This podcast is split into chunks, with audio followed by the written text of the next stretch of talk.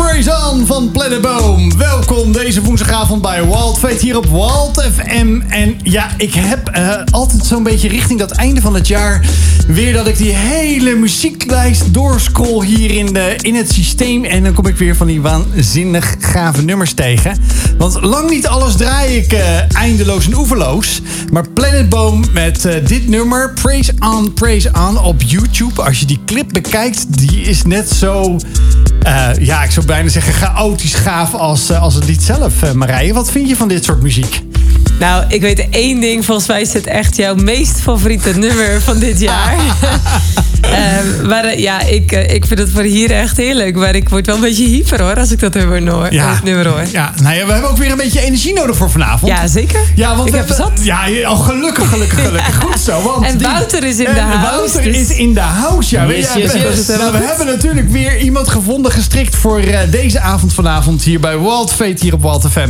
Niemand minder dan een man die heel, heel, heel actief is. Volgens mij heeft hij kilometers gelopen, berg op berg af. Hij houdt ervan om eh, mennen, mannen te triggeren, om eh, het beste uit zichzelf te halen. Hij heeft een waanzinnig interessante quote eh, eh, op zijn Instagram staan. Alles van waarde kost moeite. Amen. Nou, dan ben ik helemaal benieuwd naar wat misschien wel zijn uitleg erbij is. En ja, nog geen 54 jaar, weken geleden hadden wij hier zijn echtgenote Nadine aan tafel zitten bij eh, Wild Fate. Dus ik ben heel benieuwd wat Wouter de Vos vanavond ons gaat brengen. Dat was de Wouter. betere helft. Dat was de betere helft, Joost. De betere helft. Zeker ja, dan, dat zeg jij, hè? Hey, Dat, maar eh, zit dat je is- nou dan al in de tweede helft? Of eh ben Ik je aan de eerste bezig? Oeh, dat is een moeilijke vraag. Ik zit nog niet in mijn tweede helft.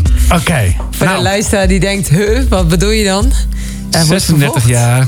Kijk, vanaf, vanaf je 40ste, en dat is voor sommige mensen heel pijnlijk, voor sommige mensen worden hartstikke blij van, maar vanaf je 40ste begint toch echt je tweede helft. Dus ik zit officieel nog niet in mijn tweede helft. Nou, kijk, van een jonkie zouden we bijna zeggen, Marije. Ja, ja, ik ben ook 36 jaar, hè, Joost. Dus, eh, Maar ik vind het wel heel vet dat je dus gewoon zo steeds in jouw tweede helft, eh, Joost. Jij zit wel volop in je tweede ja, helft. ik zit vol op. Volop, net begonnen. Nou, dankjewel, Wouter. Jij, maakt vrienden. Ik wil te zeggen dat iemand voor net in zijn tweede helft, Ja, dat jij ja, ja. gewoon eh, hele vette muziek, ma- eh, muziek draait. Ja, nou ja, ik hou hier Ik, wel word, van. eh, ik Ja. ben helemaal nu gewoon. Eerst, het is de eerste keer dat ik het heb gehoord, maar die Planet Boom die neem ik zeker mee. eh. Nou, heel goed. Heel goed. En onthoud het vooral, want je gaat nog veel meer horen. Onder andere zo meteen, want dan hebben we, eh, als we na dat geluksmomentje van, van, eh, van deze week, hebben we gewoon weer een hele gave Nederlandse DJ trouwens, eh, Wouter. Die heeft weer een eh, gaaf nummer uitgebracht. Dus nou, die gaan we zo meteen je zeker laten horen. Dus blijf vooral hangen. Vanavond hoor je de allerbeste gospel en een heel goed gesprek erbij. Waar je ook zit, wat je ook doet. Laat het ons eventueel weten. Dat kan altijd via de studio WhatsApp 06 3939250 of via de socials laat het even weten. We hebben trouwens ook een winnaar. Eh, ik weet alleen even zo gauw de, de voornaam Saskia. Die heeft, vorige, die heeft geluisterd, die heeft gereageerd op de socials. eh, voor eh, een prijs met, naar, de, naar de kerstshow van Remco Harms. En zij heeft gereageerd. Daar hebben heel veel mensen gereageerd trouwens. Dat werd door onze social expert gezegd. die dat allemaal bijhoudt. Ze zegt, wow, het overstroomde bijna. Dus ik hoop ook dat er vanavond weer mensen gaan reageren. Marije? ja, want vanavond is het dubbelfeest. Dubbel! Ja, we hebben twee boeken vanavond Kijk. weggegeven. Ja, Joost, je zit vanavond gewoon met twee auteurs in de studio. Ah, alweer die boeken schrijven. Eh, Dat doe je er ook nog even bij, toch? Eh, eh, Ik was wel wat vrije tijd. hè? was wel vrije tijd. Dat was vrije tijd, oké. maar wat is die dubbele prijs? Of een Ah, ja. enkele prijs? Ja, een enkele prijs, maar je maakt twee keer kans. Ja, dat Ja. is het. Eh, enerzijds hebben we vanavond het boek Man zijn van Wouter de Vos. Ja. Echt super gaaf. Ik heb er net even doorheen gebladerd en ik denk echt zo, wow yo, hier kon je echt als man zijnde en je denkt echt van, nou, ik wil even schop onder de kont. Dan is het zeker een, eh, een goed boek. En ik denk eh, ook heel erg aanmoedigend. En daarnaast eh, ja, is mijn boek uit, Joost. En ik heb hier Oh. gewoon een van de eerste exemplaren. En ik dacht, ja, ik kan er niet maanden over kletsen. En dan eh, vervolgens eh, dan niet de luisteraar de kans geven om deze te vinden. Je mag natuurlijk ook altijd eentje bestellen. Dat kan Maar dat, ook. dat is zo'n eerste boek toch voor, niet alleen voor vrouwen. Hè? Dit is voor mannen ja, en vrouwen. daarom. Dit boek is voor mannen en vrouwen. Dus, En eh, ik weet al één ding. Als je hem volgens mij bestelt, krijg je ook nog die kaarten. ja, zeker. Ik heb, eh, ja, zeg maar, als auteur, dan wil je graag je boeken zelf verkopen. Alleen bij bol.com wordt massa's besteld. Of alle andere van dat soort platforms. Dus ik dacht, wat maakt nou mijn boek interessant om bij mij te kopen? Dus ik heb een kaartenset ontwikkeld. En iedereen die hem dus bij mij bestelt, die krijgt hem, eh, dat cadeau. En eh, nou ja, de winnaar van vanavond krijgt dus en een boek en een kaartenset van mij. En dat is eigenlijk ook wel een beetje mijn geluksmomentje, Joost. Kijk, jij, jij, hebt, eh, jij combineert dat gelijk bij Ja, maar dat is echt gewoon zo relaxed. Gewoon, vorig jaar rond deze tijd ben ik begonnen met schrijven. Podcast op gaan nemen. En ja, uiteindelijk is het zover. Morgenavond is de boekpresentatie. Dus ja, ik zit echt op het puntje van mijn stoel. Kijk. Dat is een mooi moment. Spannend, spannend, spannend. Ja. Toch? Dan is die Al echt, mensen eh, uitgenodigd? Feest? Jazeker. Het is een volle bak. Tickets waren allemaal uitverkocht. Dus eh, echt heel erg tof. Speech, jurk. Ja, alles. Alles. Ik heb gewoon geen Top nieuwe eraan. jurk gekocht. In het kader van eh, duurzaamheid. De fotograaf loopt rond. Ja, ook dat. Kijk. Ja, dus eh, dat is, eh, ja, het wordt gewoon een pretfeest morgenavond. Superleuk. En eh, Wouter, heb jij ook iets waarvan je zegt van ja, dat was echt mijn geluksmomentje vandaag, deze week, gisteren, Oeh, vandaag? geluksmomentje. Geluksmomentje. Nou, morgen. Mag het ook? Ja, zeker. Ik krijg... Ik Dan heb krijg je nu al heel veel geluk omdat ik, je krijg, nou, uitkijkt. ik ben er echt ik serieus. Mijn kinderen die worden volgens mij een beetje gek van mij. Want ik ben eh, niet de hele tijd heel erg blij voor Sinterklaas. Mijn kinderen die zitten in Sinterklaas-modus, zeg maar. Daar zijn ze helemaal blij mee. Maar ik, sta, ik kijk echt al weken uit naar morgen. Want morgen krijgen wij de sleutel van ons nieuwe huis. Jee. Wauw. Dus ik heb echt gewoon... ehm, ja, volgens mij wordt het niet een heel romantisch moment of zo. Maar ik heb gewoon echt zin om aan de bak te gaan. Ik wil gewoon die sleutel en dan behang van de muur aftrekken, verven. Komende weekend heel legertje aan eh, vrienden en familie eh, klaarstaan... om gewoon eh, het hele huis aan te pakken. Zo. Ik heb werklijsten gemaakt per kamer. Ik, ga gewoon, ik heb echt zin om aan de bak te gaan. Dus ja, ik ben helemaal, eh, helemaal gelukkig, helemaal zin in morgen. En dan ben ik wel benieuwd, hè? Ga je dan je vrouw bij het eerste moment over de drempel heen tillen? Over de... dre- Nou, nee. nee, wat ik al zei. Het wordt volgens mij niet heel romantisch. Niet ik wil gewoon romantisch. sleutel, ik wil gewoon aan de slag. Ja. Ja, zij mag de kinderen... Wat, nee, dit wordt, ja, wordt hartstikke leuk. Dus Nou, gefeliciteerd. Dankjewel. En eh, Joost, wat heb jij vandaag eh, voor inspiratie meegenomen over je geluksmomentje? Nou, mijn geluksmomentje deze eh, week, of eigenlijk vandaag, is eigenlijk ook eh, dat ik een heerlijk gezellige lunch gewoon thuis heb ge- gehad met mijn, met, met mijn vrouw. En eh, ik dacht opeens eventjes toen ik eigenlijk over aan het nadenken was van, daar hebben we ook eerder een gast over gehad die zei, ik kies bewust voor die woensdagochtend was het, geloof ik.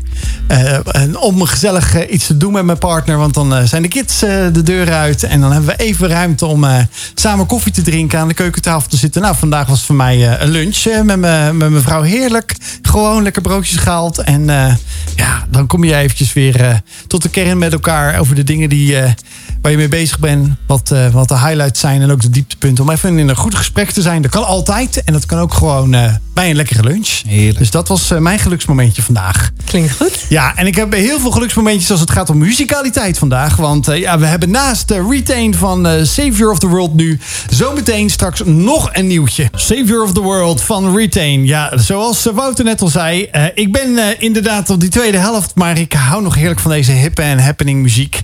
En eh, Wouter neemt vanavond zeker wat tips en trucs mee... van eh, de laatste gospel die we hier op Wild FM... eh, met Wild Fate natuurlijk alleen eh, De beste gospel van eh, de Randstad. De hele Randstad die hier kan luisteren. En eh, ja, wij zijn live hier in de studio. Wil je gezellig meepraten? Heb je een vraag aan eh, Wouter over waar we vanavond even eventjes diep induiken? Reageer dan gerust op 0639392050. En ja, wij zeiden net eventjes al tijdens de muziek. Vorig jaar hebben wij, hadden wij... eh, Wouter, zijn, eh, zijn vrouw hier in de uitzending. Nadine, die eh, bij Arise werkt. Dat is een vrouwenbeweging die ja, door middel van ja, mooie evenementen... ja, vrouwen verbindt met elkaar om ze dichter bij elkaar te brengen... in geloofscontact te brengen. Daar is een mannentak van, die heet, die heet eh, 4M... Eh, en eh, dat is eh, de vierde musketiers. de vier musketiers is dat ook wel genoemd. Ik weet niet of jullie dat nog steeds zo in de wandelgangen noemen, Wouter. Zeker, zeker. Nou, gelukkig, gelukkig. Nou, dan hoef ik me niet te vierde musketier. Dan hoef, ik me niet te, dan hoef ik me niet te verspreken vanavond in ieder geval. Maar Maar we zeiden daarbij ook, Wouter heeft zo'n drukke agenda... dat we hem al bijna een jaar geleden moesten boeken voor vanavond. Dus het is maar goed dat we zijn uh, betere tweede helft, zoals hij zei, uh, vorig jaar al hadden. En die zei van, stuur vooral een mailtje naar hem om, hem... om hem een keer in die studio bij jullie te krijgen. Want wij vinden, natuurlijk, wij vinden het leuk om uh, ja, inspirerende verhalen te horen. En we zeiden even serieus net, Wouter, van... waar ben jij dan zo druk mee? Hmm. En jij zei, ja, nou dat is nogal wat. Met een heleboel. En dat is nog los van een eigen huis waar je morgen mag gaan klussen. Ja, zeker. Nee, nou, gezinsleven, dat is natuurlijk ook... Uh, we hebben drie jonge kinderen, dus dat, uh, dat houdt je ook altijd goed van de straat, uh, zeg ik. Maar nee, ja, kijk, Nadine, die, eh, mijn vrouw, die leidt dus de RISE, de vrouwentak. Ik ben vooral bezig met de mannentak en het overkoepelende gedeelte. Maar wat wij doen is, wij nemen mannen mee de berg in. Voor, uh, ja, eigenlijk om ze gewoon goed door elkaar te schudden. Om ze te bepalen bij de dingen die er werkelijk te doen in het leven. Het is zo gemakkelijk om, en daar ben ik zelf dus ook weer uh, onderdeel van. Ik ervaar het zelf steeds zo. Dat je in de red race van het leven, je gaat maar door. En je dende door uh, van werk naar huis. En naar alle andere verantwoordelijkheden. Zonder echt stil te staan om na te denken van wat doet er nou toe? Ben ik met de goede dingen bezig? En ehm, ja, daarvoor hebben we iets bedacht. Ik zeg soms ook wel eens, de 4M, de vierde musketeer. Het is al een epische mannenbeweging. Het meest epische wat ik eigenlijk ken. En we gaan zeggen, ja, we gaan dan niet te suf in een zaaltje zitten of zo over dat soort dingen praten. Of uh, nou ja, alleen maar binnen zitten. Buiten gebeurt veel meer. Dus wij trekken dan de Schotse hooglanden uh, in. Uh, in Noorwegen, Zwitserland, echt IJsland. Gewoon gave plekken. En dan trekken we een paar dagen door de bergen heen. En op een plek die groter is dan jij. Waar, waar rotsen zijn, die niet te controleren zijn. Dan gaan we daar juist nadenken over van... Ja, wie, wie ben ik nou? Wat, wat doet er echt toe in het leven? En het is zo vet. Dat is gewoon, neem een groep mannen mee de berg in en ga zoiets doen. Zorg er gewoon voor een goede fysieke uitdaging en, en stel de juiste vragen. Ah, wat er dan loskomt, dat, is, dat is zo te gek. Ja, er zijn echt al, las ik net op de website, al meer dan 10.000 mensen met jullie mee geweest. Zeker, ja. Um, maar wat, wat gebeurt er dan? Wat wordt er dan in beweging gezet daar in de natuur, in de bergen, in de woestenarij? Wat, wat, ja, wat is dan hetgene waarvan je zegt van ja, dat zijn echt wat, dat is hetgene wat de mannen tegenkomen, of dat zijn de doorbraken die dan uiteindelijk echt daar ontstaan? Ja. Die hele, iedere man komt eigenlijk weer op zijn eigen manier. En uh, alle lagen van de samenleving. We hebben de havenarbeiders, uh, we hebben de, uh, de leraren, de managers, de CEO's van miljoenen bedrijven hier in Nederland. Zeg maar iedereen. En het mooie is als je daar binnenkomt, dat je. Ik weet ook niet wie er voor me staan. Iedereen komt daar gewoon binnen met zijn eigen ja, je outdoor jasjes aan. als het regent, dan heb je je muts op je kop. Dus je ziet je, je, je, ziet aan elkaar natuurlijk niet waar je vandaan komt. Het doet er ook niet toe. Wat voor of je nou een Q7 rijdt of een Fiat Punto of uh, dikke bak, bak, geld op je rekening. Maakt allemaal niet uit. Iedereen komt daar gewoon met zijn eigen verhaal. Richting. Van waar moet ik naartoe? Wat moet ik doen met mijn leven? Ik sta op een tweesprong. Um, nou, tweede helft, zei er net al even, is echt een belangrijk thema. Hè, van dat je veel mensen rondom, veel mannen rondom een 40ste komen echt in een, ja, tussen je 35 en je 45 kom in zo'n moment dat je denkt, van, ja, wat, wat, wat wil ik nu echt? Wat, wat doet het toe? Ja, en sommigen die, uh, die laten dan een tatoeage zetten, komen ze een keer thuis. Uh, schat, ik heb een dikke tattoo. Sommigen die rijden een, eh, een, een Harley Davidson. uh, sommigen beginnen aan, aan de tweede leg. Hè. Dat, dat zie je ook veel van de affaire beginnen ernaast. Om maar zo'n gat op te vullen. Omdat, ze, omdat je toch ergens op zoek bent van wat, wat doet er nu toe? Wat is belangrijk? En wat is de conclusie? Wat doet er dan echt toe? Ja, dat is. Ik, ik denk dat dat het mooie is van zo'n van zo'n zoektocht dat je gewoon met elkaar echt op pad gaat. Van nou, eerst maar eens kijken ook. Eerst maar eens al die tierenlantijntjes eraf halen. Dat is, dat is het belangrijkste. Dat je eerst we gaan echt naar die kern. Al die versierselen, uh, doe dat maar eens weg. En wat zit daar dan onder? Wat zit nou echt bij jou van binnen? Uh, wie ben ik? Uh, wie wil ik zijn? hoe ben ik zo geworden? Weet je wel? Dat, nou, een van de thema's die we wel eens, die, die, we vaak bespreken, is van hoe heeft jouw vader jou gevormd? Mijn eigen vader, die uh, goede man, een moeilijke relatie had ik met hem. En ik voelde me nooit echt gezien. Hij is veel afwezig geweest in mijn leven. Wat, wat heeft gemaakt dat ik ergens ook een soort van drive heb ontwikkeld om toch te laten zien aan de wereld dat ik mag er zijn. Weet je, ik doe er toe. En, en daar ben ik eigenlijk best blij mee, want het brengt me op veel, veel dingen. Het heeft me ja, niet alleen negatieve dingen gegeven, maar ook echt positieve dingen. Ik denk niet dat ik ooit zou doen wat ik nu doe als ik niet op die manier Ehm, de moeite ook had gehad in mijn relatie met mijn vader. Maar er zit ook een verlies. Er zit ook een, een, een zucht naar ja, erkenning of naar goedkeuring van een vaderfiguur of zo die zegt: Hey Wout, je doet het goed. Nee, dat is, als ik dat weet en het besef daarvan, dat, dat is heel waardevol voor de rest van mijn leven. Want en als ik kun je- zoiets bespreek dan met de mannen daar, ja, iedereen heeft zijn eigen verhaal. Iedereen, heeft, iedereen komt, elke man komt uit een vader. En iedereen van ons is, dit is zo'n grote invloed heeft dat gehad. Nou ja, dat is, dat is dan stap 1, weet je wel, van, van 30, 40 of zo dingen. Dit, dit, is, dit is de opwarmer. Ja, en ook wel bijzonder, hè? want je zegt het is heel kostbaar als je dat ook weet. Want dan, dan krijg je waarschijnlijk inzicht in heel veel dingen die bewust of onbewust gebeuren. Eh, redenen waarom dat je dingen zegt of dingen doet of juist niet. Eh, en dat je juist aan de hand van dat stukje wellicht wel rouw eh, of verlies waar je het over hebt, eh, juist ook daarvoor kan zorgen, zeg maar. En Inmiddels ben je volwassen en weet je ook, oh ja, dat is een, gewoon een stukje van mij. Soms speelt het weer even op. Maar ik weet nu inmiddels ook hoe ik daarmee om kan gaan. En dat, Ik kom heel veel mannen tegen die hebben nooit gedeeld ten diepste met die pijn. Er zijn geen leuke, je wordt er geen leuke mens van. En we hebben allemaal onze wonden, maar hoe jij ermee omgaat, dat is jouw verantwoordelijkheid. En er zijn genoeg mannen die op hun 40ste, 50ste, 60ste nooit hebben gedeeld ermee. En dan hebben ze veel mensen om hen heen pijn gedaan. Vaak de mensen waar je echt van houdt. Je bent ook geen leuke manager. Je bent geen leuke, leuke bedrijfsleider. Je bent eigenlijk ook geen leuke collega. Je kan wel, bepaalde is leuk, zeg maar, maar er zit de, de diepe relatie aangaan met andere mensen. Daarvoor is het ook nodig dat je goed zorgt voor je wonden. Ja. En dan juist als ze dus met jou op zo'n correcte- karakterweekend gaat... of op, op zo'n andere eh, weekend wat jullie dan verzorgen... je merkt dat daar juist die confrontatie komt met dat stukje pijn. ja.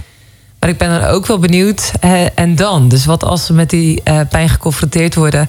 ja, wat kunnen ze dan vervolgens daar eh, En dat was I Am Free. Nou, als er één ding is wat ik voel als ik door de bergen heen struin... dan is dat gevoel wel. Een gevoel van vrijheid, een gevoel van avontuur... eh, een gevoel van eh ontzagwekkendheid richting de grootheid van de schepping. En eh, we zitten hier in de studio met Wouter de Vos. En hij neemt vanuit 4M, vier- de vierde musketier, heel graag groepen mannen mee de natuur in. Eh, maakt niet uit waar, zolang er maar bergen zijn en een stuk ontbering komt. Want juist daar worden mannen vaak ook geconfronteerd met hun eigen pijn. Dus niet alleen maar fysieke pijn, maar misschien ook wel de confrontatie met de dingen die je eigenlijk het liefst uit de weg eh, gaat. En ik ben wel benieuwd, eh, Joost, ben je ook wel eens met zo'n eh, karakterweekend mee geweest? Want er zijn al tienduizenden mensen mee geweest. Dus ik dacht, misschien was jij wel één van diegenen. Nee, gelukkig hebben we 18 miljoen mensen. En als we de 50-50 zijn, dan zouden we zeggen 9 miljoen mannen, 9 miljoen vrouwen. Nee, dan eh, ben ik dat, die, die 0,005% ben ik er nog niet mee geweest. Zo, en ja. dat, was ook niet op mijn, dat staat ook niet high op mijn lijst om mee te gaan. Eh, en als je in de natuur bent, heb je dan wel zoiets van... nou, ik hou wel echt van die uitdaging. Ik hou heerlijk van de hindernisbaan. Ik hou van de natuur. Ik hou van de Alpen. Ik ga graag naar Zwitserland. Ik ben er echt al eh, 16 keer geweest. Ik ga graag naar Oostenrijk. Daar ben ik ook al een tig keer geweest. Ik hou van trails. Ik hou van wandelen. Ik hou van down, hillen en uppen. Ik hou van om eh, met mijn mountainbike naar beneden te crossen met eh 69,5 Zo. km per uur. Ik zou bijna zeggen, pakken www.4m.nl. En, ja. dan, eh, je, kan- je kan gewoon zo mee, Joost. En, eh, en, die, en, die, en die half, la- en in halverwege mijn leven. Ik wist dat zoiets ging komen. Ik meen het serieus, want ik heb mijn motorrijbewijs gehaald toen ik 28 was. Kijk, kijk, kijk. En, Tatoeages. eh, ik- Wij zijn ta- ta- tatoeages? Nee, nee, nee, nee, nee. Dat was ik ook niet van plan. En ook, al zei, eh, ook al zeiden we dat thuis laatst wel een keer. Van, nou, wanneer komt die tattoo? En nou, ik zeg, nou, het staat niet op mijn lijst. Nee, nee, Nee, nee. nee, nee. Ik rij ook motor, maar ja, ik hou ook van avontuur. Ja. Hey, maar ik ben wel benieuwd, hè, Wouter. We hadden het net over, net voordat we naar muziek gingen luisteren, over hè, wat als dan die confrontatie komt met die pijn. Hè? Mannen zijn zo aan het struinen. de- de- Er zijn verschillende talks wellicht, zeg maar. Of in ieder geval wordt een proces aangewakkerd om over dingen na te denken. En dan?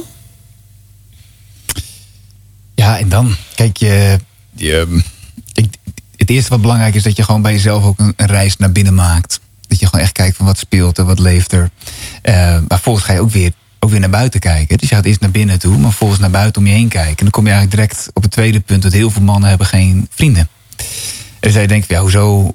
Mannen hebben toch, ja, de meeste mannen die hebben wel een vriend, maar die woont of in een andere stad, of het is een vriend van vroeger. Eh, maar echte vrienden waarmee je je hart deelt, waarmee je eerlijk bent, die je regelmatig ziet, die hebben eigenlijk heel weinig mensen. En, eh, of heel weinig mannen, zou ik moeten zeggen. Ja, is dat meer een dan het, is, mannen? het is echt meer een mannen. zeg maar, meer, vrouwen hebben meer mensen, meer andere vrouwen mee zijn hart delen en niet de mannen. Terwijl dat juist een van de dingen is die belangrijk is als je echt op koers wil blijven in het leven. Als je echt ergens voor wil gaan, dan heb je andere mensen om je heen nodig die jouw koers houden, die je spiegelen, die je reflecteren, die je helpen, die je bemoedigen. En als dat ontbreekt, dan is de kans dat jij een ander pad neemt dan wat je wil gaan, is heel groot. Dus dat is, vind ik een van de geneugden ook altijd, een van de heerlijke dingen. Dat je nieuwe vrienden maakt op zo'n weekend. Dat je andere mannen leert kennen. Dat je vaak ook heel snel heel diep gaat eh, met elkaar. Soms is het een beetje beklemmend als je er buiten staat. Maar als je er binnen zit, het is echt echt vet. Ik was, afgelopen vrijdag was ik nog op zo'n terugkomavond van, eh, van Zwitserland van een tijdje geleden. Een, een man die zei dat ook nog, joh, wat wij hier hebben, dit is zo uniek. Ik kan gewoon mezelf zijn, alles zeggen. En hier met z'n allen sta je gewoon met volwassen mannen en je voelt je als kleine jochies op een kinderkamp. Zeg maar, zo vet is het gewoon. En uh, ja, en, nogmaals, mannen hebben gewoon heel snel, no man is an island. Dat zei John Donne, uh, Engelse poëet. En, uh, en toch gedragen heel veel mannen zich die leven als eenzame strijders. En soms vinden we, zijn we er zelfs een beetje trots op. Uh, dus dat, dat, dat is het tweede. Wat je gewoon eigenlijk direct moet doen, ook naar buiten toe. Uh, en verbinding zoeken. Um, en uiteindelijk is er ook een moment waarop je moet zeggen: ik, ik, ik ga omhoog kijken. Veel van ons, we zitten, we hebben allemaal ons eigen verhaal. Is net al de eigen dingen waar je tegenaan loopt, de eigen stormen. Uh, of je zit op dit moment in een storm als je luistert. Um, of je kent in ieder geval iemand in een storm of je komt er net uit. En wat doe je dan als het erg moeilijk wordt? En weet je wat ik zo vet lied vind? Toch een muziek, hè? U2, 40. Het is gewoon super vet. Jarenlang hebben ze al hun grote wereldconcerten hebben ze afgesloten met het nummer 40. En, en dat gaat van I waited patiently for the Lord. He inclined and he heard my cry. He lifted me out of the pit, out of the miry clay. Letterlijke songtekst. Dan liepen ze allemaal één voor één, lopen ze, dan loopt je toe het uh, podium af. En dan 50, 60.000 man, die zingen nog steeds dat, nummer door. Um, letterlijke tekst van Psalm 40. Heel bijzonder. Er staat gewoon van, ja, als je in de put zit, you lifted me out of the pit. Out, uit de put. Als jij in de put zit, nou, je kan wel een tijdje volhouden op eigen kracht. Een beetje rond blijven boeteren in het water. Maar er komt een moment dat je echt naar boven moet kijken. En dat je zegt, ja, gooit u maar, u, iemand moet een, levenslijn gooien. En in de modder, hoe meer je, je spartelt, hoe, hoe vaster je komt te zitten. Out of the miry clay. Dus er komt een moment dat je naar boven moet kijken en zegt: Ik heb hulp buiten mezelf nodig. Nou, als je die stap maakt als man, dat je durft te zeggen: van Ik kan het niet zelf. Ik ga hulp zoeken buiten mij. Nou, dat, dat is goud. Maar misschien is dat wel de allerergste plek waar je ooit zou komen, voor je gevoel. De plek waar je moet zeggen: Het lukt mezelf niet meer. Ja, ja dat je op dat je, misschien, ik weet niet of het de allerergste plek is. Het is wel een, voor veel mannen een pijnlijke plek. Ja. ja. En ik denk dat we het ergens ook wel voelen, maar dat we het gewoon niet aan toe durven geven. En op het moment dat je dat met z'n anderen doet, van ja, roep nou eens naar buiten. Kijk eens om je heen en kijk ook eens naar boven. Misschien voor de eerste keer, kijk eens omhoog. En roep het gewoon eens uit. Help. Weet je, roep het maar gewoon. Het hoeft helemaal geen, geen, geen, geen bijzondere woorden te zijn of zo. Maar roep het eens naar. Wat als daar. En dat, dat zegt zo'n 40. Hij zegt. Um, you waited patiently for the I waited patiently for the Lord. You inclined. U boog zich neer. And you heard my cry. En ja, dat, weet je, dat, is, dat is wat we dan ervaren. Wat ik zelf heb ervaren. Wat we zo, met zoveel mannen ervaren. Dat er dan een, een, een macht is. Een God is. God zelf is in de hemel. Die dan zegt. Ik ben niet een God op afstand. Maar ik, ja, I inclined. Ik buig mij neer. En ik, ik, ik neig mijn oor naar de roep vanuit de aarde. En als je dat. Ik had één man mee afgelopen een paar weken geleden in Zwitserland. En we stonden er met z'n allen s'nachts en dan roepen we help, weet je wel. En ineens man help. En als je dan iets, een soort van teken krijgt dat, dat je roep gehoord wordt vanuit de hemel. Ah, dat is machtig. Dat zet al het andere in een ander licht. Je, je praat wel met heel veel uh, overtuiging. Dus je bent er ook mee klaar. Je bent, er ook, uh, je bent zelf ook helemaal eruit. Uit die put. En uit, uit alle andere dingen. Nou, ik, omdat je zo zelfverzekerd klinkt. Ja, ja. Dus voor jou is het. Uh, jij, jij, bent, jij hebt alles al wel op een rijtje. Nou, ik heb, je, je komt denk ik regelmatig weer in de shit. Uh, en er gebeurt van alles in het leven. Maar wat ik wel echt heb geleerd is dat. Ik hoor ook wel mensen soms die praten als, over geloven, als een soort blind geloof of zo. Je stapt in iets wat je niet kent. En wat ik heel erg ervaar, en dat is ook wel hoe ik, hoe ik God heb leren kennen. En hoe ik de God van de Bijbel leer kennen. Is dat geloof ook een zaak is.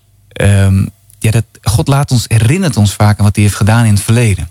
ik heb heel veel gezien van God. Ik heb in zoveel duizenden levens van mannen heb ik gezien wat er gebeurt op het moment dat je roept dat God ook antwoordt. Het is voor mij is geloof niet meer een blind geloof. Nee, ik heb het gezien een paar weken geleden nog, weet je wel? Ik heb, vrijdag was ik nog met zo'n groep mannen en dan zie ik het nog gebeuren. Uh, een paar weken geleden, voor, vlak voor de zomer nog. Dus ik steeds weer, ik, ik, ik heb zoveel visueel en tastbaar bewijs bijna van hoe God luistert naar ons. En dat geeft me heel veel moed voor het geval dat ik weer in de problemen kom. Ja. Ik, ik moet heel erg zeggen, dat is namelijk bij mij ook. Ik zie veel van de dingen die gebeuren, ook in de wereldwijd. Uh, bij allerlei mensen die geloof uh, vasthouden, die tot geloof komen. Dat houdt mij ook ergens op een rails. Dat zal misschien bij jou ook zo zijn. Hoe was, jou, hoe was jouw eerste weekend dat je meeging? Ja.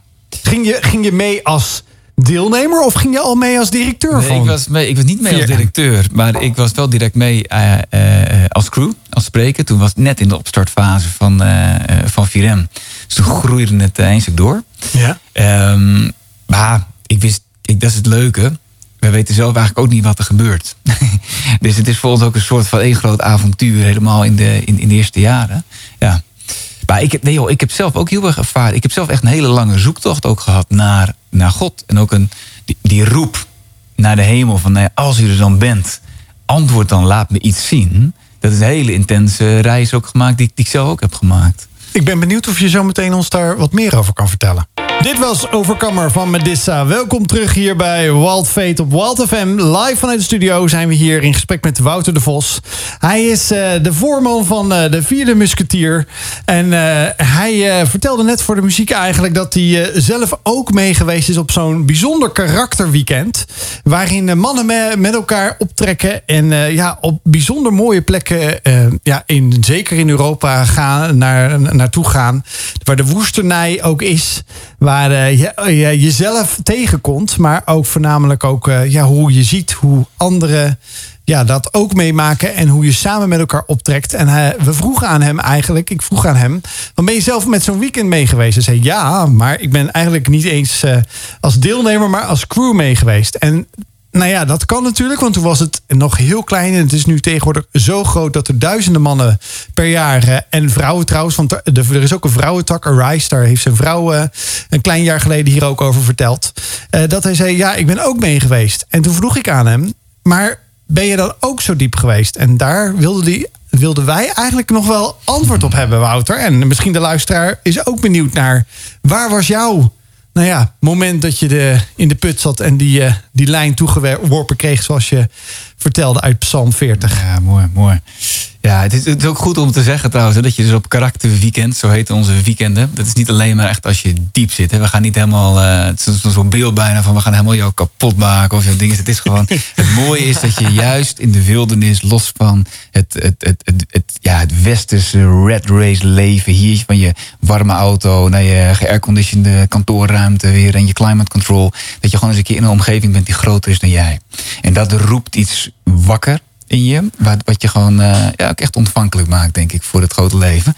Maar jouw vraag. Um, ja, wat, hoe is dan mijn reis geweest? Hè? Waar zat mijn zoektocht dat ik ermee roep? Ik heb vaker um, stuk gezeten in mijn leven. Um, momenten. Maar ik denk dat ja, mijn roep naar God toe was op mijn achttiende. Het was echt een... ja, hoe zeg ik dat netjes? Ik was wel een beetje een boefje, denk ik. Op mijn uh, middelbare school was, uh, op mijn vijftiende zat ik bij de Kamer van Koophandel om uh, een uh, feestorganisatie, mijn eerste onderneming te starten samen met een goede vriend. richten wij de Party Foundation op. dus wij verkochten 10 euro gratis zuipen. En dan organiseerden we de grootste feesten um, van het noorden. Ja, gekke tijden. Maar ik leefde gewoon uh, eigenlijk een heel ander leventje dan uh, dat ik nu deed. En uh, Carpe was living the dream. Weet je wel, gewoon live life to the max. Dat was ons, ons motto en dat deden we ook echt goed. En ik heb afgelopen week de zolder opgeruimd. Ik kwam de ene naar de andere brief tegen over spijbelen en over foto's van ons in binnen- en buitenland en gekkigheid en zo. Dus ik heb hartstikke genoten ook van die tijd. Maar dat was gewoon, dat, dat was het. En we zouden de krediet al aangevraagd. We zouden um, gaan leven van de party van Foundation en dat. Toen voor mij echt zo'n zoektocht kwam van ja, maar wat, wat doet er nu werkelijk toe in het leven? Wat is werkelijk belangrijk? Ja, hoe wordt dat getriggerd op je 17e, 18e? Dat was bij mij uh, door een vriendinnetje. Die, uh, die krijgt in één keer een vriendinnetje. Dat hoeft in één keer dan allemaal uh, andere gevoelens op. En hoe, hoe Ja, doet dat het is eigenlijk verbinden, weet je wel? Ik had laatst, ik had vorige week ook nog weer een jongen. Ik dacht van ja, dat doet het. Die had voor het eerst, een relatie. Dat kwam in één keer met al die vragen. Ik dacht ja, dat herken ik nog wel. Ja. Van, eh, Van lang van- geleden. Van die tijd. Ja. Maar eh lang verhaal kort, ik kwam gewoon echt overal. Op dat moment was ik gewoon bezig van wat is werkelijk belangrijk? Hoe leef ik uit mijn hart? Wat, wat, wat doe ik echt? Weet je wel? Wat, wat, wat doet er dan toe in relaties of in dingen bereiken? En eh, ik kwam in die tijd gewoon heel vaak het woord God tegen. Eh, of iemand begon er weer over. Dat las, ik las het ergens op een magazine. Ik was zo gewoon aan, aan het zoeken van ja, wat, wat, wat, wat moet ik daarmee? En ehm, nou, ook wel echt, ja.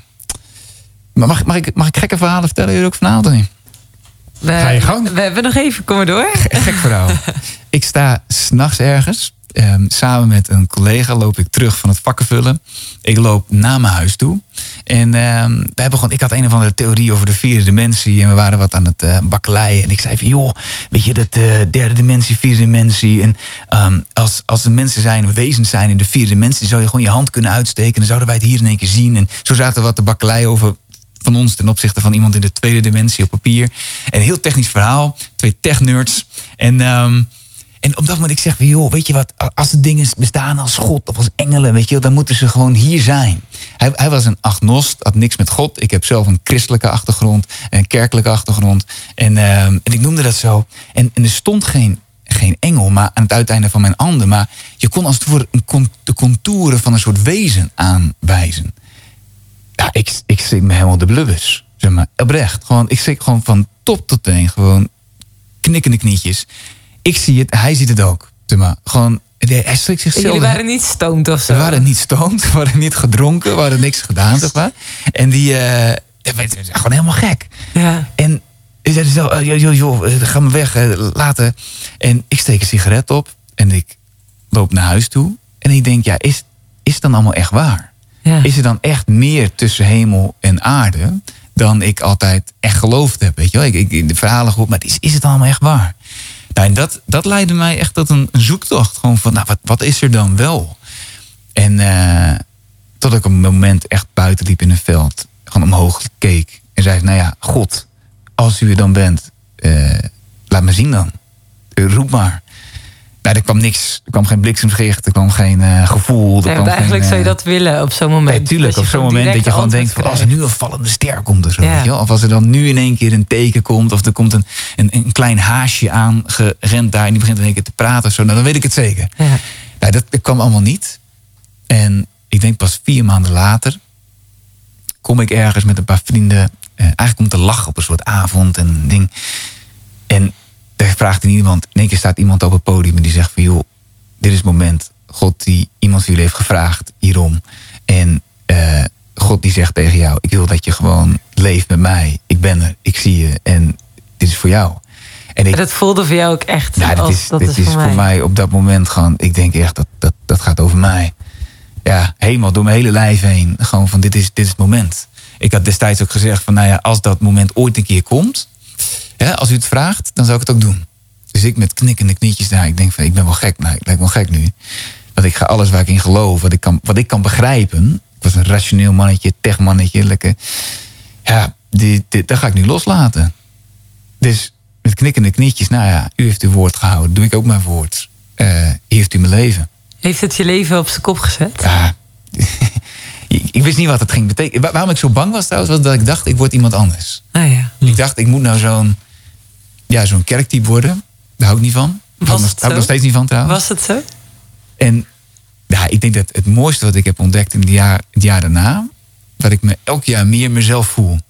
En dat er een vrijheid is gekomen en een kracht is gekomen. Je bijna van het tevoorschijn komen ook als mens, die ik, die ik niet had verwacht. Ja. Ja, dus het is, voor mij is het gewoon, eh, dat moment is het moment geweest in mijn leven... wat al het andere in een ander licht heeft gezet. Bijzonder hè, dat je zo door één moment of gewoon, nou ja, zo'n opstapeling van momenten, maar eigenlijk gewoon weet van, hé, maar dit is nu eigenlijk eh, het vertrekpunt van de rest van mijn leven, of het fundament waar ik mijn leven verder op bouw. Het is mooi om te horen, eh, Wouter, hoe je deelt over, hè, soms heb je de confrontatie met jezelf, dat kan heel pijnlijk zijn. eh, dan is het zo enorm belangrijk dat je daarin ook mensen om je heen hebt die daarin bevragen, wel eens kritische vragen durven te stellen. En maar durf je ook eens omhoog te kijken en eh, help uit te roepen naar God of te vragen: hey, Heer, als u dan bestaat, wilt u dan uzelf laten zien? Ja, ik heb nu al heel veel zin in de tweede uur, hè, Joost. Ja, ik, Dit eh, gaat, eh, dat wordt is echt leuk, ja. ik, heb, ik vind wel heel interessant trouwens, Wouter, dat je zegt van ja, we, we, gingen die, we gingen die natuur in. Ik zal je, ik zal je zeggen, eh 18 jaar geleden zat ik, eh, was ik medewerker bij De Hoop in Dordrecht. Dat is een verslavingskliniek. eh, die ook een specifieke christelijke identiteit heeft. En toen, toen al, dus dat is een mooie, misschien ook wel een beetje anekdote of een mooi iets ook wat jullie doen met de mannen. Ging, eh, ging de, cliënten met een compleet volksverhuizing. Gingen we vanuit Dordrecht met 350 mensen aan cliënten en 500 man personeel ongeveer naar Zwitserland. En het ene jaar, of het ene moment van het jaar was altijd in eh, het voorjaar, januari, februari, om de natuur te aanschouwen, de sneeuw, de, de pracht van de natuur. En het andere moment was altijd ongeveer in eh, nou ja, oktober. Om ook onder andere een onderdeel te hebben van een survivaltocht. En het was eigenlijk inderdaad niet om de ontbering. Maar eigenlijk om reflectie naar je eigen leven te hebben. Van waar sta ik nu eigenlijk? Wat voor een rijkdom heb ik eh, gekregen? Hè? Wat is het bijzonder om een veilig huis te hebben? Wat is dat eigenlijk bijzonder? Los van de pracht van de natuur. Maar ook juist die reflectie. Dus ik vind het heel mooi dat jullie dat met de mannen doen. Om, die, eh, om dat mee te nemen. Dus dat werd al jaren geleden ook op die manier gedaan. Dus nogmaals, ik ben heel benieuwd naar het tweede uur. We moeten er even uit voor de plichtplegingen. Maar we zijn heerlijk terug straks met het tweede uur bij Wild FM met Wild Fate. Ah, Love Goes On hier op eh, de woensdagavond bij Wild Fate op Wild FM. Wij gaan vanavond heerlijk door met een tweede uur. En eh, ja, ik hoop eh, dat jij ook zo geniet van onze uitzendingen. En laat het anders eens eventjes weten via 06 39392050. En kijk vanavond vooral eventjes op die socials. Want je hebt een dubbele kans op een, een prijs om eh, te winnen. Namelijk het nieuwe boek waar Marije al maanden over aan het praten is. Van Rauw naar, naar Wauw. En eh, Wouter heeft er ook als auteur eh, zijn boek meegenomen. Namelijk Man zijn. Dus ja, maak gewoon eventjes gebruik van die socials. Het is heel simpel. En wij weten al dat er massaal meestal wordt gereageerd. Dus doe dat vanavond ook. Die wordt gewoon gratis naar je thuis gestuurd. Die, een van die boeken als jij de winnaar bent. Nou, we hebben we, tweede uur met Wouter ook natuurlijk gaan we weer in gesprek. Ik heb eh, zo meteen nog wel even één dingetje te zeggen. eh, wat ik eh, ook aan Wouter wil bekendmaken. Want ja, hij is los van natuurlijk de, de voorman van de Vierde Musketiers. eh, ja, is hij ook een heel gezellige prater. Hij heeft genoeg te vertellen. En nou ja, hij zei ook al wel van. ja, het is goed dat de mannen ook eens bezig zijn om, om hun eigen leven bijna op de rit te krijgen. En vooral vriendschappen te sluiten. ja, tot zichzelf te komen. Ik ben heel benieuwd hoe we dit tweede uur ingaan daarmee. En eh, ja, wat we natuurlijk ook weer hebben, dat kan niet missen, is natuurlijk die tijdmachine. Maar dat kan niet zonder dat we eerst even deze week naar Rien hebben geluisterd. Want die is heeft eventjes wat researchwerk gaan doen. En eh, ja, zoals je hem kent, hij is een goede eh, researcher en redacteur. En vandaag heeft hij is de vraag zichzelf gesteld waar de, de toren van Babel nou precies staat. Waar stond de toren van Babel? Een heel bekend Bijbels verhaal is dat van de toren van Babel. De Bijbel vermeldt dat de nakomelingen van Noach vanaf de berg Ararat naar het oosten trokken en in de vlakte van Siniar terechtkwamen. Daar bouwden zij de toren van Babel. Nou, er zijn meerdere visies op het woord Siniar. Siniar betekent waarschijnlijk twee rivieren. Je kunt dan denken aan Mesopotamië, en dat is het land tussen de Eufraat en de Tigris. Daar in Irak vind je nog steeds ruïnes van Babylon. Maar er zijn meerdere mogelijke locaties. De Bijbelse koning Nebukadnezar heeft, van wat hij dacht dat de toren van Babel ooit was, die laten herbouwen. Dat was op een locatie van zo'n 80 kilometer ten zuiden van het huidige Bagdad. Ook de Borsippa Ziggurat, een ziggurat is een soort toren, een soort bouwwerk, is een mogelijke kandidaat. Dus de exacte locatie is niet met 100% zekerheid vast te stellen. Wel dat de Bijbelse toren van Babel in alle waarschijnlijkheid in het huidige Irak moet hebben gestaan. Dit was Rijer met Reckless Love. Welkom terug bij Walt Fate hier op Walt FM. Nou, dit kan natuurlijk niet anders zijn dat het een waanzinnig gave kick-off is voor de tijdmachine. Want we zitten in zo'n bijzonder heerlijk tempo. Ja, Wouter, dat is ons itempje waar jij en de luisteraar mag meenemen naar jouw moment in de Bijbel. Waar ga jij ons mee naartoe nemen? Welk Bijbelgedeelte? 2 Koningen 6. Oeh, dat is dus het Oude Testament voor degenen die de Bijbel niet kennen. Dat eh, is redelijk vooraan in de Bijbel. En het is goed dat je alvast zegt welk Bijbelboek. We gaan heel nieuwsgierig met jou meeluisteren. Het is een eh, gure, een gure dag. 900 jaar voor Christus. De tijd van de koningen. De tijd van de strijd. De tijd van de legers met harnassen en zwaarden en paarden. En het is een beetje een gure dag. Als je de voetstappen hoort van paarden. Een, een wagen die erachteraan komt. Het geklop. En het, eh, het, het getik van een wagen. En je hoort iemand uitstappen met een harnas en die klopt op de deur. En die zegt, doe open, want ik kom hier voor een man van God. Het is Naaman. Naaman is een, eh, een legerheld, een generaal van een van de vijanden van het Joodse volk in 900 voor Christus. En over Naaman staat er dan geschreven, hij was een groot man, een man van aanzien, een generaal. Had veel overwinningen had hij, eh, had hij meegemaakt, had hij behaald. En staat, hij was een groot man, maar hij was melaats. Hij was ziek. En ik vind het zo krachtig al direct daar gewoon in het begin. Hij was een groot man, maar je kan er heel groot uitzien. De buitenkant kan er heel goed uitzien. Alles op orde en groot en sterk. Maar, we hebben allemaal onze maar, wat er speelt in ons leven. Oh, De eenzaamheid, eh, de pijn, de wonden van vroeger, waar we het net ook over hadden. Eh, Hij was een groot man, maar. En dan staat hij daar met, met eigenlijk al zijn mannen achter zich, met zijn paarden en zijn wagens en dat grote harnas van hem aan. En staat hij daar zo. En onder dat harnas, daar zit dus die melaatsheid. Daar zit die huidvraat. Die, ja, dat is een, hele vervelende ziekte eh, op zijn hele lijf heen. En daar wil hij zo graag van af. Maar dan staat hij daar met zijn harnas aan. En ik vind het zo'n prachtig teken. Eigenlijk een heel pijnlijk teken ook. Dat wij zo vaak verbergen. Onze maar, die, die verbergt het liefst. En zo doet, zo doet Naaman het ook. Die verbergt dat achter zijn harnas. En dan klopt, komt hij eraan bij dat, bij dat hutje. Waar hij aanklopt en waar hij die man van God roept. Van, ik heb iemand nodig. Hij wil zo graag van zijn huidvraat af. En die grote man Naaman die heeft van een klein meisje gehoord... dat hier een profeet woont. Een man van God die misschien wel zou kunnen helpen. Dit is zijn roep naar boven. Dit is zijn roep van, ja, is er iemand nou... Roep, help mij dan. Help mij met mijn ziekte. En dan klopt hij aan.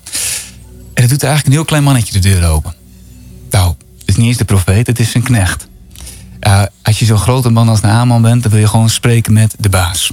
Dan wil je gewoon spreken met iemand op niveau en dan regel je zoiets. Hij had goud mee, had geld mee, het beste wat zijn land uh, het, uh, bij zich had. En dan wil je gewoon spreken met de baas. Maar doet zo'n kleine knecht open, dat is al irritant. En dan zegt die knecht ook nog een keer, joh, ik heb een boodschap van de man van God. Hij komt, hij komt niet zelf, die baas. De knecht die heeft gewoon een boodschap. En dan heeft hij als boodschap, ga je maar zeven keer waden in de rivier. Oh, wat maakt hem dat kwaad? Naaman is echt gewoon tot op zijn bot is hij gewoon geïrriteerd. Hij is wit heet van woede en hij roept en hij, hij zegt ook gewoon ik ben zo kwaad. Hij zegt ik had gedacht dat die man zelf van naar buiten zou komen. Ik had gedacht dat hij, dat hij iets zou zeggen, dat hij zijn handen over de een of andere magisch ding zou doen. Ik had gedacht dat mijn, hij had er een beeld bij hoe die roept naar de hemel, naar boven toe, hoe die beantwoord zou worden.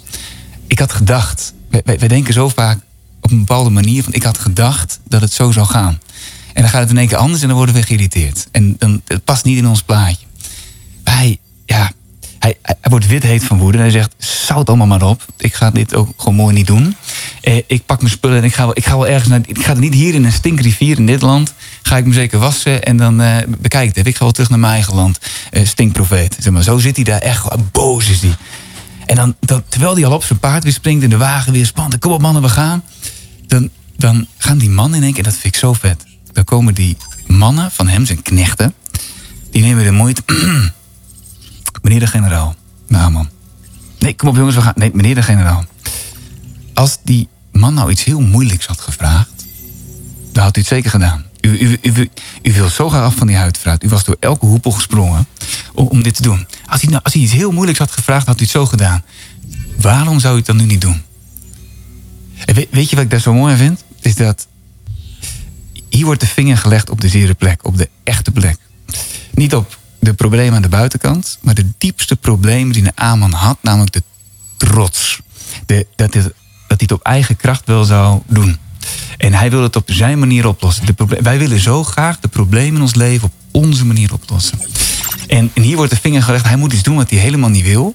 En hij moet zijn trots op kant zetten. Hij moet gaan afdalen naar zo'n stinkrivier. Die weg naar beneden maken en zich daar dan laten ja, wassen.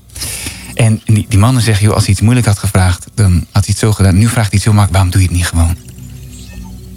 En dat is een keuze. En op dat moment luistert hij. Dat vind ik zo vet.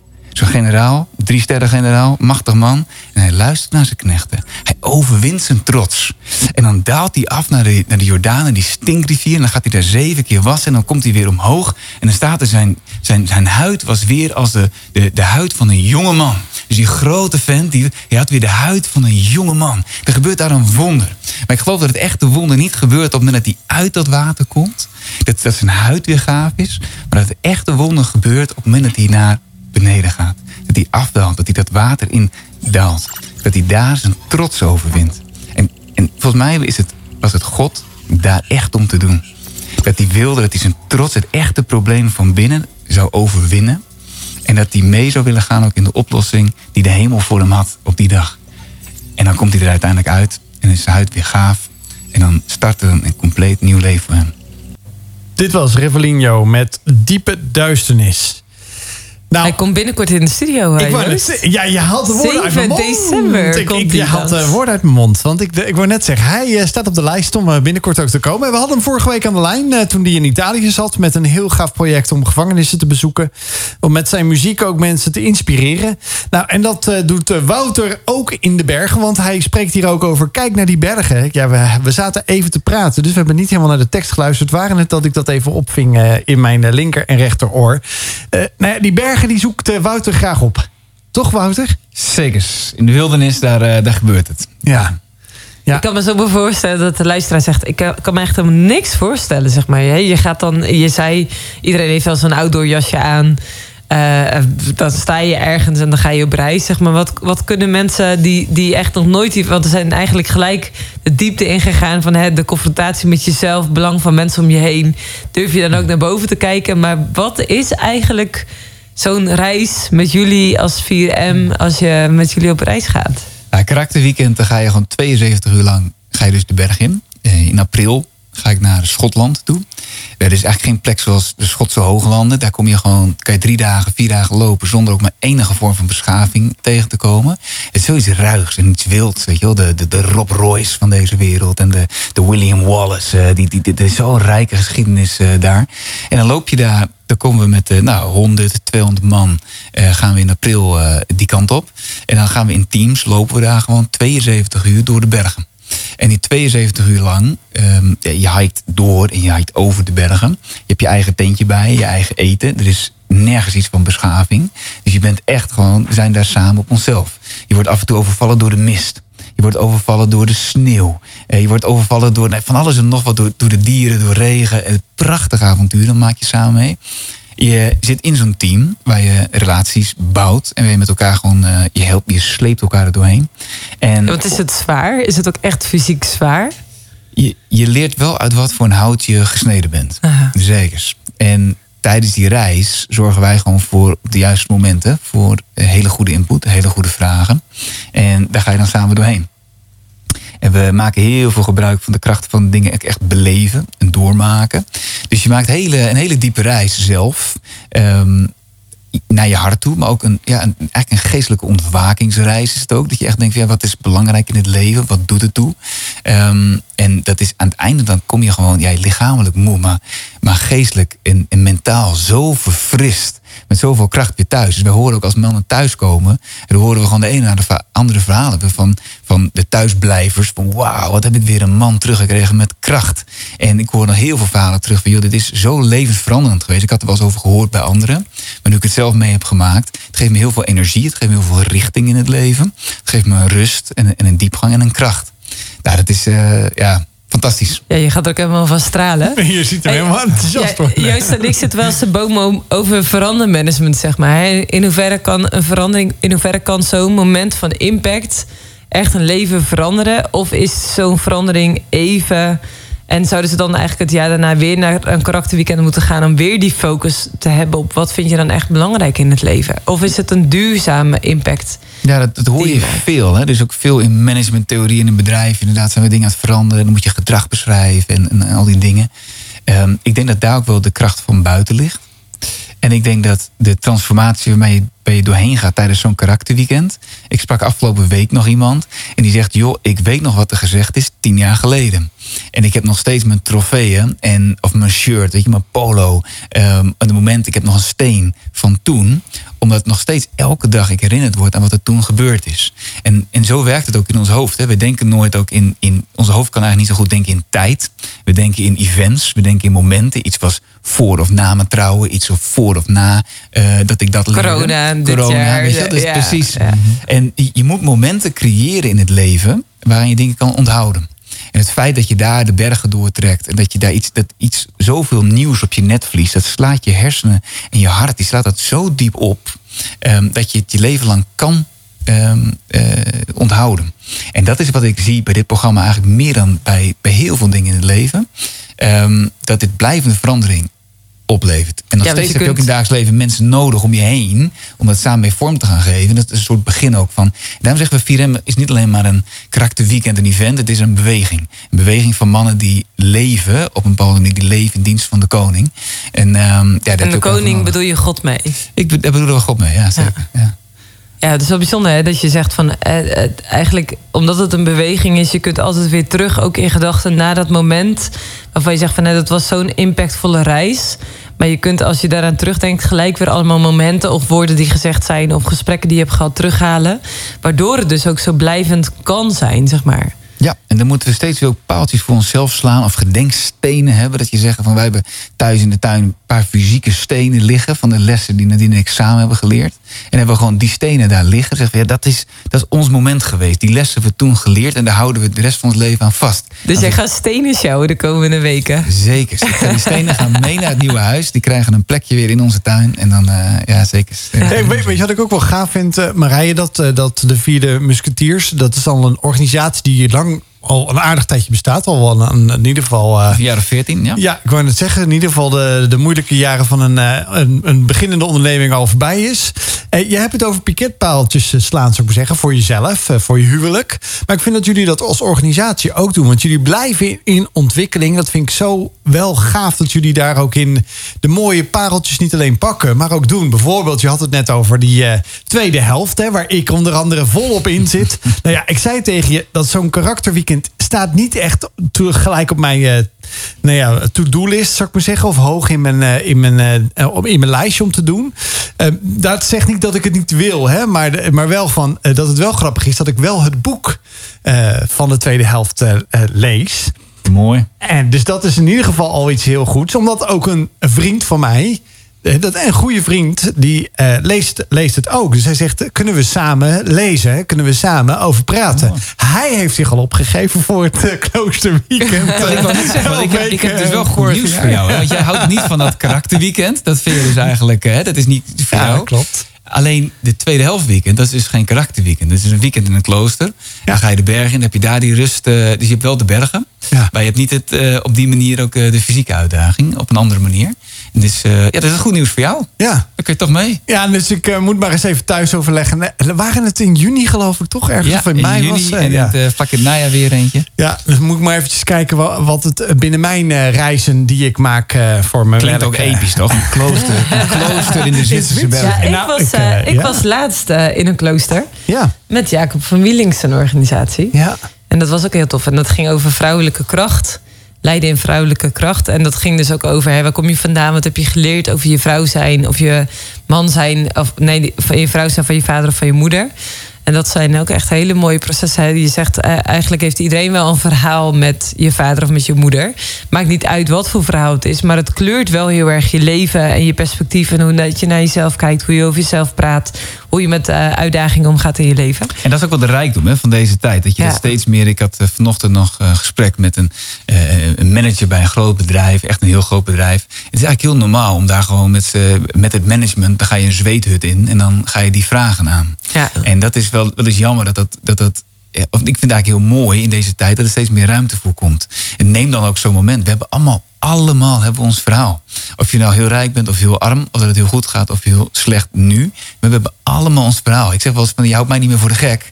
Uh, dat, we hebben allemaal iets. En neem dan in ieder geval zo'n moment. Het hoeft niet, hoeft niet per se bij ons. Ik denk dat wij het gewoon zo te gek doen dat je jezelf nou ja, het is gewoon jammer als je niet met ons meegaat.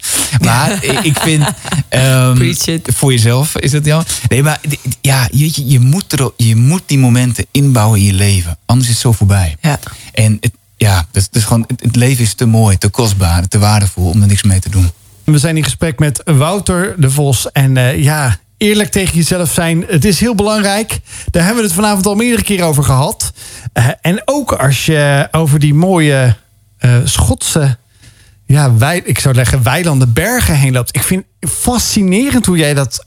Je vertelt het alsof je elke keer voor de eerste keer naar mij, maar volgens mij ben je niet één keer al meerdere keren geweest. Dat je gewoon zegt, ongerept, dagenlang lopen. Je komt niemand eigenlijk bijna tegen. Heerlijk. Dat is toch bijna deze tijd, anno 2022, bijna 23, onbegrijpelijk. Toch? Het lijkt me echt heerlijk. In de, lijkt me echt in, in, in fantastische plek om te zijn. En daar is wel ergens een vliegveld in de buurt, uh, omdat je nog kan landen? Je moet zeker een paar uurtjes uh, rijden nog vanaf het vliegveld. Ja, maar uh, nee, Schotland is, Schotland is uh, fantastisch. Heb je, heb je nog een mooie, ja, een mooie anekdote misschien van iemand die daar naartoe geweest is? Dat je zegt van wauw, dit, dit is ook mijn, het zit nog steeds in mijn, niet alleen in mijn hoofd, maar ook in mijn hart. Ja, ja. Ja, veel, je zal veel Ja, ik, verhalen heb, ik, hebben. ik, ik, zei net al tegen jullie. Ik zei, nou, ik zei net al tegen jullie. Ik kom gewoon elke week weer. Hè. Dus ik zei afgelopen week nog weer met zo'n groep dan, uh, dat van Zwitserland. En de week daarvoor en de week daarvoor. Dat, dat vind ik zo heerlijk ook aan wat ik mag doen. Dat je zoveel mannen te tegenkomt en hun verhalen hoort. Maar wat ik. Uh, weet, je, weet je wat ik misschien zo mooi vind? Een, een paar jaar geleden was. Ik denk de laatste reis voor. Uh, corona was ik um, nou, met een paar honderd man liepen we door de Schotse Hooglanden. Een dikke sneeuwbak gehad en uh, echt een waanzinnig weekend. En dan wat er eigenlijk altijd gebeurt op de eerste dag, op de eerste ochtend, dan zeg ik ook tegen de mannen voordat we ze de hele dag op pad sturen. Zeg ik van joh, ga dan niet te snel. Hè, geniet ook van het uitzicht, geniet van het moment. Je bent, je bent hier nu gewoon. En dan, dan gaan ze de hele dag op pad. En aan het einde van de dag, dan komen ze met z'n allen bij elkaar. En dan zeg ik, joh man, hoe was het? En dit en dat. En we praat je zo. En dan zijn er altijd wel, vaak staan ze een beetje vooraan. Is er altijd zo'n groepje van mannen die zegt dan, uh, uh, dan vraag ik ze ook, joh, hebben jullie die, die, die prachtige met, met, ja, met sneeuw bezaaide piek gezien of zo, weet je wel? En er zitten altijd dus een paar mannen daar vooraan die dan vragen huh? uh, welke, welke piek? en ik denk dat, weet je, dat, dan hebben ze er gewoon, zijn ze er gewoon vlak langs gelopen. Zijn ze zo bezig geweest met, met alles goed doen, of met snel doen, of met, met, met, met de GPS goed volgen, weet je wel? Dat ze gewoon die, die hele piek hebben gemist. En dan denk ik altijd, ja, net zoals wij een, een, een, een zo'n 2000 hoge, meter hoge rotsformatie gewoon kunnen missen als je er met je bakkers langs loopt. Ja. Ja? Dat is wat je doet. Heb ik iets gemist? Ja, maar, maar, maar, en dat doet mij dan denken dat ik zeg, ja, maar precies op die manier kunnen wij het leven doen en bezig zijn met ons eigen kleine cirkeltje, zonder dat we ook maar iets ervaren van het grotere verhaal dat zich overal rondom ons afspeelt. En echt, je kan die, die, die rotsformatie missen als je er met je bakkers langs loopt. Nogmaals, zo missen wij ook het hele grote verhaal dat, dat, dat God aan het schrijven is met deze wereld. Hè? En het is heel makkelijk, anno 2022, het leven draait om jou. Het hoogste wat je in deze samenleving kan bereiken is hè, de, de top van de piramide van Maslow. Maslow is zelfverwezenlijking. Ja. Maar denk eens over na. We leven in een samenleving met allemaal mensen om ons heen. En dan gaan we zeggen, het grootste wat je dan kan bereiken is dat je jezelf ontwikkelt. Dat, dat, dat is toch, ik, ik wil echt niet zeggen dat we allemaal communist moeten worden. Dat we het belang van de groep bovenaan moeten zetten. Maar een beetje in balans zou toch wel beter zijn. We leven zo voor onszelf. En dan zeg je, ja, maar ik leef ook voor mijn gezin. Ik wil meer tijd. Ja, dat gaat nog steeds om jouw kleine cirkeltje. En ik denk dat het zo belangrijk is dat we meer gaan kijken ook naar, naar wat geeft nou werkelijk betekenis. En, en betekenis gaat nooit alleen maar over jezelf, over dingen voor jezelf verzamelen of halen of voor jouw cirkeltje. Maar echt leven ook voor, voor een ander. Verzamelen voor een ander. Uh, met de armen zeg maar, samen in verbinding met anderen het leven doen. Dat is, dat denk ik heel belangrijk. En, en ik denk dat Ah, weet je wat ik als jammer vind? Dat, dat kerken in Nederland vaak ook een soort van... ehm, ja, een, een, een, een versie van het verhaal van het geloof hebben verteld... dat ook niet echt recht doet. Dat nog steeds eigenlijk stiekem een beetje om onszelf gaat. Zo van, hè, alles was moeilijk. En eh, nou, daar, daar heb je iets van Jezus. En dat vieren we met kerst en met Pasen. Van Jezus is het kruis gegaan, onze zonden zijn vergeven. En nu mogen wij allemaal lekker naar de hemel. En daar komt dan een soort feest of zo. Zeg maar. maar ergens het ook, klinkt het ook weer een soort egoïstisch verhaal. Het gaat toch weer om jou. En om jouw pad naar de hemel. En, en jippie daar gaan we dan feest vieren. En wat is dan echt voor jou betekenis geven vanuit het hart wat God dan in jouw hart ligt, legt? Ik denk echt dat, dat het grotere verhaal wat God aan het schrijven is, dat hij, dat hij de hele boel aan het vernieuwen is. Dat er echt een, een, een nieuw iets komt, ook weer een nieuwe aarde. Dat hij, dat hij het kwaad, wat, ten diepste lopen we allemaal aan tegen het kwaad in deze wereld. Tegen de pijn en tegen de moeite en de oneerlijkheid. En, die en dat God dat kwaad, dat hij dat niet, hij bombardeert dat niet de wereld uit. Hè, zoals, zoals het Westen doet met de terroristen in het Midden-Oosten na, na 9-11. Dan bombarderen we de boel kapot. Hè? Dat, dat is onze manier om het kwaad dan daarmee eruit te gaan. Het, is veel dieper. Het kwaad zit in onszelf. De pijn zit ook in, in onszelf. En ik denk dat Gods grote verhaal wat hij aan het schrijven is... dat hij de wereld redt van het kwaad... door elk hart, ieder hart te raken met zijn liefde. En dat we een liefdevol leven gaan leiden... waarin we niet alleen geven om onszelf maar ook echt om de, uh, om, om de ander. En die liefde, en die verandert stukje voor stukje, hart voor hart, verandert de hele wereld. Elke woensdagavond hoor je de laatste gospelhits op Wild FM.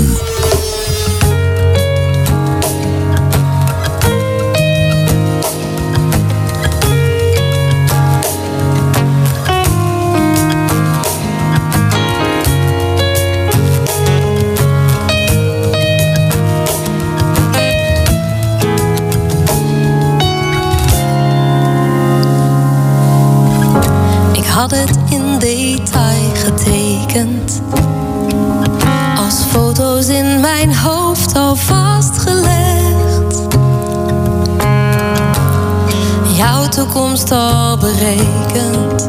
Je levenspad geschetst. Maar de werkelijkheid was anders. Het duurde lang voor ik de rijkdom zag ik je niet wilde veranderen, maar omarmde wat je bracht. Jij bent jij zo gewenst, je mag zijn wie je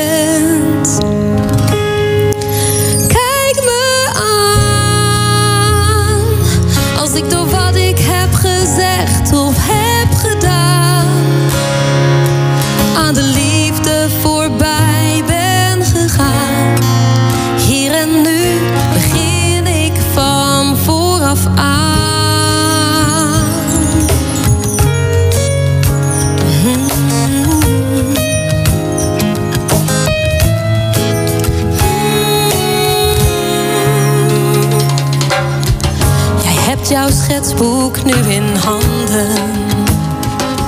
Zet lijnen, gumt mijn beelden uit misschien. Maakt foto's voor jouw levensalbum. Kiest wat je mij wilt laten zien. En je hebt zoveel te geven. Steeds een beetje meer kies jij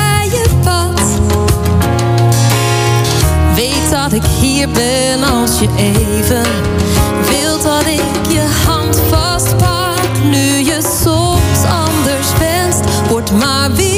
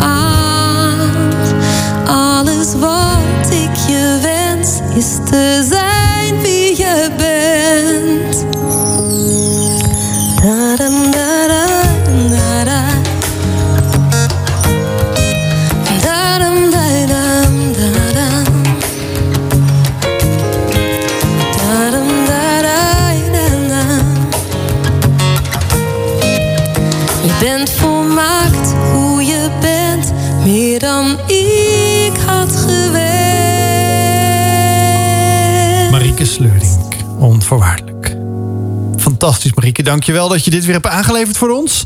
Vanavond hier op eh, Walt FM met eh, ons programma Wild Fate. Wij geven graag het podium aan natuurlijk de nieuwste gospelartiesten. En in Nederland en vanuit Nederland wordt fantastisch eh, mooie gospel ook gemaakt. Die we hier ook graag laten horen. Ja, en eh, zoals Marije al aan het begin van deze avond zei. Ik zit hier aan tafel hier vanavond in de studio. Met weer twee boekenschrijvers. Nou ja, ik weet dat jij meerdere boeken hebt geschreven. Wouter, ik weet in ieder geval één boek. Man zijn. Nou, dat heb je geschreven. Of heb je nog meer boeken geschreven? Nee, dit is de enige. Oh, Dus de, maar- de, de, de volgende die komt nog. Oh, echt waar? Ja, Ben je serieus? bezig? Nee hoor, nee, nee. Nee, Ah, nee. Maar, maar wens, eh, kun, kun je mij... eh, ik ben, eh, wat ik al zei, ik heb al een paar boeken liggen trouwens. Want ik heb ook eh, van Rauw naar Wouw eh, als cadeautje ontvangen van Marije. eh, vanwege onze goede relatie en samenwerking. Maar kun je ons even kort meenemen eh, in, in wat is de, de highlight van het boek? Ik denk dat het hele boek, het heeft, eh, ik zeg van wat tien jaar en tienduizend mannen ons leren over man zijn. En dat vat ik samen in tien lessen, eh, die echt gaan ook over dat grotere verhaal, waarin je zelf ehm, ja, mag gaan stappen. En ik denk dus dat dat, eh, ja, dat ik, ik, ik heb gewoon alle verhalen en alle gesprekken die ik met al die mannen heb gehad, heb ik samengevat in tien eh, ja, hele korte lessen. In your face, hoop ik, eh, geschreven. En ehm, dus ja, heel veel mannen die zijn eigenlijk geen boekenlezers. Hè? Dus die, eh, die lezen alleen de achterkant. Ehm, maar dit, dit- ik, wat ik nu terugkrijg is van... nee, dit boek is gewoon heel, heel snel en heel goed te lezen. Dus de tien belangrijkste lessen van 10.000 mannen... het is eigenlijk gewoon een must-read. En het helpt je in tien gesprekken eh, is het heel tof om dit gewoon samen met een vriend te gaan lezen. Dat je zegt, of met een paar mannen. En dat je dan elk hoofdstuk gewoon pakt en dat je daar een goed gesprek over gaat, eh, aangaat. Het gaat over vriendschap, het gaat over betekenis, het gaat over eh, recht doen in, het leven. Maar het gaat ook over onze maskers, het gaat over onze kijk op ons hart en op onze relaties. Dus tien brede thema's die spelen in het leven van iedere man. Ik vind wel gaaf dat je vanavond eh, ons als mannen aanspreekt om vooral vriendschappen te sluiten met een paar goede vrienden om je heen. Omdat je dat ook al zelfs in het eh, begin aanhaalde van. eh, ik kan het niet beamen, want ik heb gelukkig een paar goede vrienden. Maar ik weet hoe het we wel tijd en strijd heeft gekost om vrienden te zoeken. En heel eerlijk gezegd is dat eigenlijk, eh, ik zou bijna zeggen op die tweede helft nog niet. eh, toen net daarvoor was het al gebeurd, gelukkig. Maar dat het wel wat tijd heeft gekost om daar ook op te investeren. Ja. En dat vind ik wel heel goed en gaaf dat je hebben om gewoon, om gewoon iemand aan te spreken. En te zeggen, Ja. ik wil eigenlijk investeren in onze vriendschap. Ja. Het, dat kost een beetje moeite, maar doe het gewoon. Ja. En dat kan bijvoorbeeld zijn door ze met zo'n karakter weekend samen op te trekken. Zeker, zeker. Ja, je, Toch? je hebt mensen om je heen. Weet je, ik denk uiteindelijk is het ook, want we hebben het heet over mannen. En het is ook, ik hou van, eh, eh, ik hou van mannen. Ja. en optrekken met mannen. En wij- we zien eigenlijk die, die grote les zien we eigenlijk overal terugkomen. Je hebt gewoon goede mannen nodig. Dat doen we met Virem. Dan inspireren we ieder mannenhart met Arise. Dan inspireren we ieder vrouwenhart. En dan zie je eigenlijk ook weer hetzelfde van hè, dat samen optrekken, elkaar bemoedigen voor de juiste dingen. Dat is gewoon belangrijk. En, eh, en weet je, het leuke is van, we, we doen dus heel veel met mannen, heel veel met vrouwen. En hebben we nu ook gewoon samen optrekken met in, je huwelijk. We hebben de couples experience eh, gemaakt voor de meest betekenisvolle relatie van je leven. Hè, de meest vervullende relatie van je leven. Ook voor de relatie met je, met je, met je tienerzoons en met je tienerdochters. We hebben vader-zoon weekenden, vader-dochter weekenden. En zo geven we op die manier vorm. Telkens weer, we zien overal weer gewoon, doe het samen met anderen. Trek samen op. En, eh, en ja, dat, dat helpt je echt in het leven. En dat doen we zelfs nog weer met, met ondernemers. Hebben we nog eromheen zitten, het hele ondernemersnetwerk, het live netwerk. Zien we hetzelfde in de werkende wereld. En met z'n allen uiteindelijk voor recht. Als je elkaar blijft aanvuren, dan, dan is, is het haalbaar. En dan zorg je ervoor dat we met z'n allen ook die, eh, die eindstreep En, halen. en voor de sportievelingen. Zekers. Dat doen jullie ook namelijk wat. Ja, Muskathlon. Muscatlon, onze strijd voor recht. Ja. Het is, het is zoiets belangrijks dat je gewoon in dit leven, dat je dus, wat zei er net al over, hè, van dat je niet alleen gaat voor jezelf, maar dat je dus ook intentioneel ruimte in je leven maakt voor een ander. Ja, want eh muscatlon, dat is een term die veel mensen niet kennen. Wat, wat is een muscatlon? nee, jij zei net dat je ook een, een halve marathon had gelopen. Ik heb een eh, halve marathon onlangs gelopen, ja. Een paar weken geleden. Dit is, eh, de Muscaton is eigenlijk drie keer onmogelijk.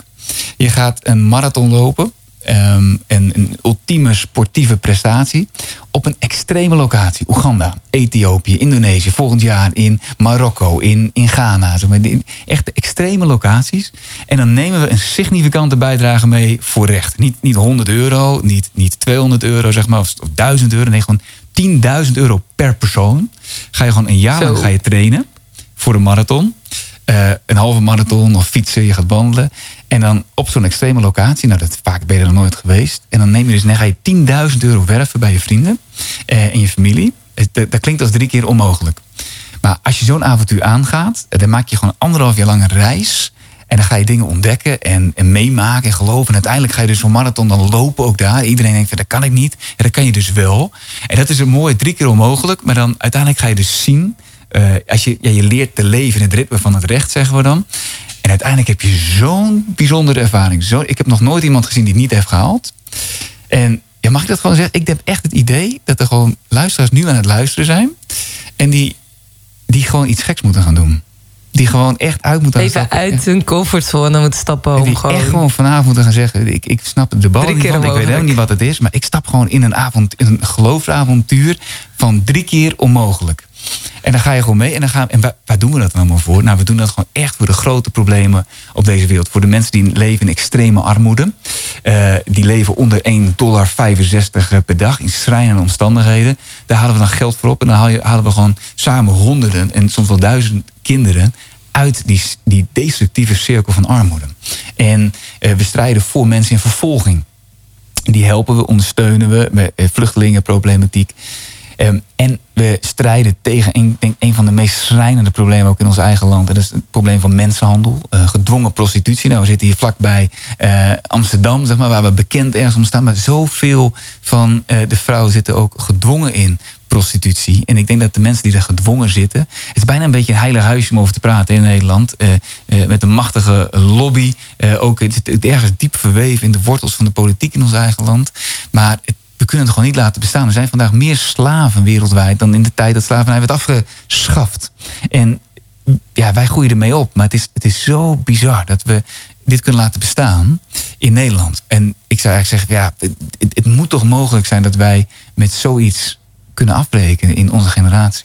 Ja, het is wel heel mooi hoe je, hoe je zo met alles, met zoveel vurigheid en passie deelt over het werk.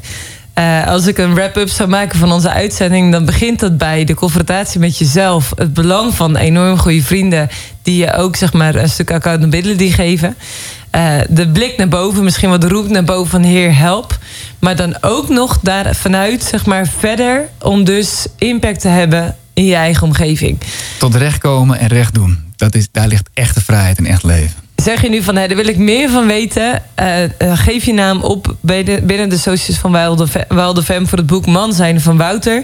Of het boek van mij van Rounenbouw. Wat eigenlijk dat hele proces dus ook eh, meegeeft. Dus dat is eigenlijk een hele mooie samenvatting ook van datgene wat jullie ook doen. Daar hoef je alleen- maar je naam in te vullen. En dan, dan maak je gewoon gratis kans op de boek. Dan krijg je dat gewoon thuis gestuurd. En ja, Ja, gratis. Relaxed. Ja. Vooral met al die dure feestdagen voor de boeg. Jazeker, ja. Ik vind het wel heel inspirerend wat je vanavond hebt gedeeld met ons, eh, Wouter. Eh, net zo inspirerend als eh, Nadine. Als je nou denkt van eh, Nadine, ik heb Wouter eh, gehoord... maar ik wil ook eh, de tak, eh, niet zozeer de, de, de betere helft zoals jij zelf zei... maar ook de tak van Vrouwen Arise. Want daar heeft Nadine ook heel veel over gedeeld toen ze hier was. Eh, dan moet je eventjes eh, een bijna een dik jaar terug... December 2021. Juist, eh, naar de Wild Fate podcast. En dan kan je daar ook het verhaal luisteren. Dan kan je naast elkaar leggen. Want zij sprak namelijk ook, denk ik, zeker eh, een hele mooie eh, parallelsporen over wat jij vertelde. Hoe belangrijk samen optrekken, vriendschap zijn. Inderdaad, wat Marij al in die mooie wrap-up heeft gezegd. Ik wil je bedanken dat je hier was, eh, Wouter. In jouw hele drukke schema, want het moest al een jaar geleden gepland worden. en eh, we zijn blij dat we jou ook hier eh, in ons midden hebben gehad Ja. bij Wild Fate. Ik vond het Supertof. hartstikke leuk. Ja, en eh, nogmaals, ja, ik zeg, eh, ga vooral eens eventjes naar de website van eh 4m.nl 4m.nl. en eh, ga er eens rondkijken. Misschien vind jij daar wel iets moois inspirerend voor jezelf eh, of voor een ander of samen met elkaar. Want er zijn heel veel mooie mogelijkheden om eh, te werken aan jezelf en aan een ander. Eh, ik wens je een hele mooie avond en nacht toe en eh, tot volgende week.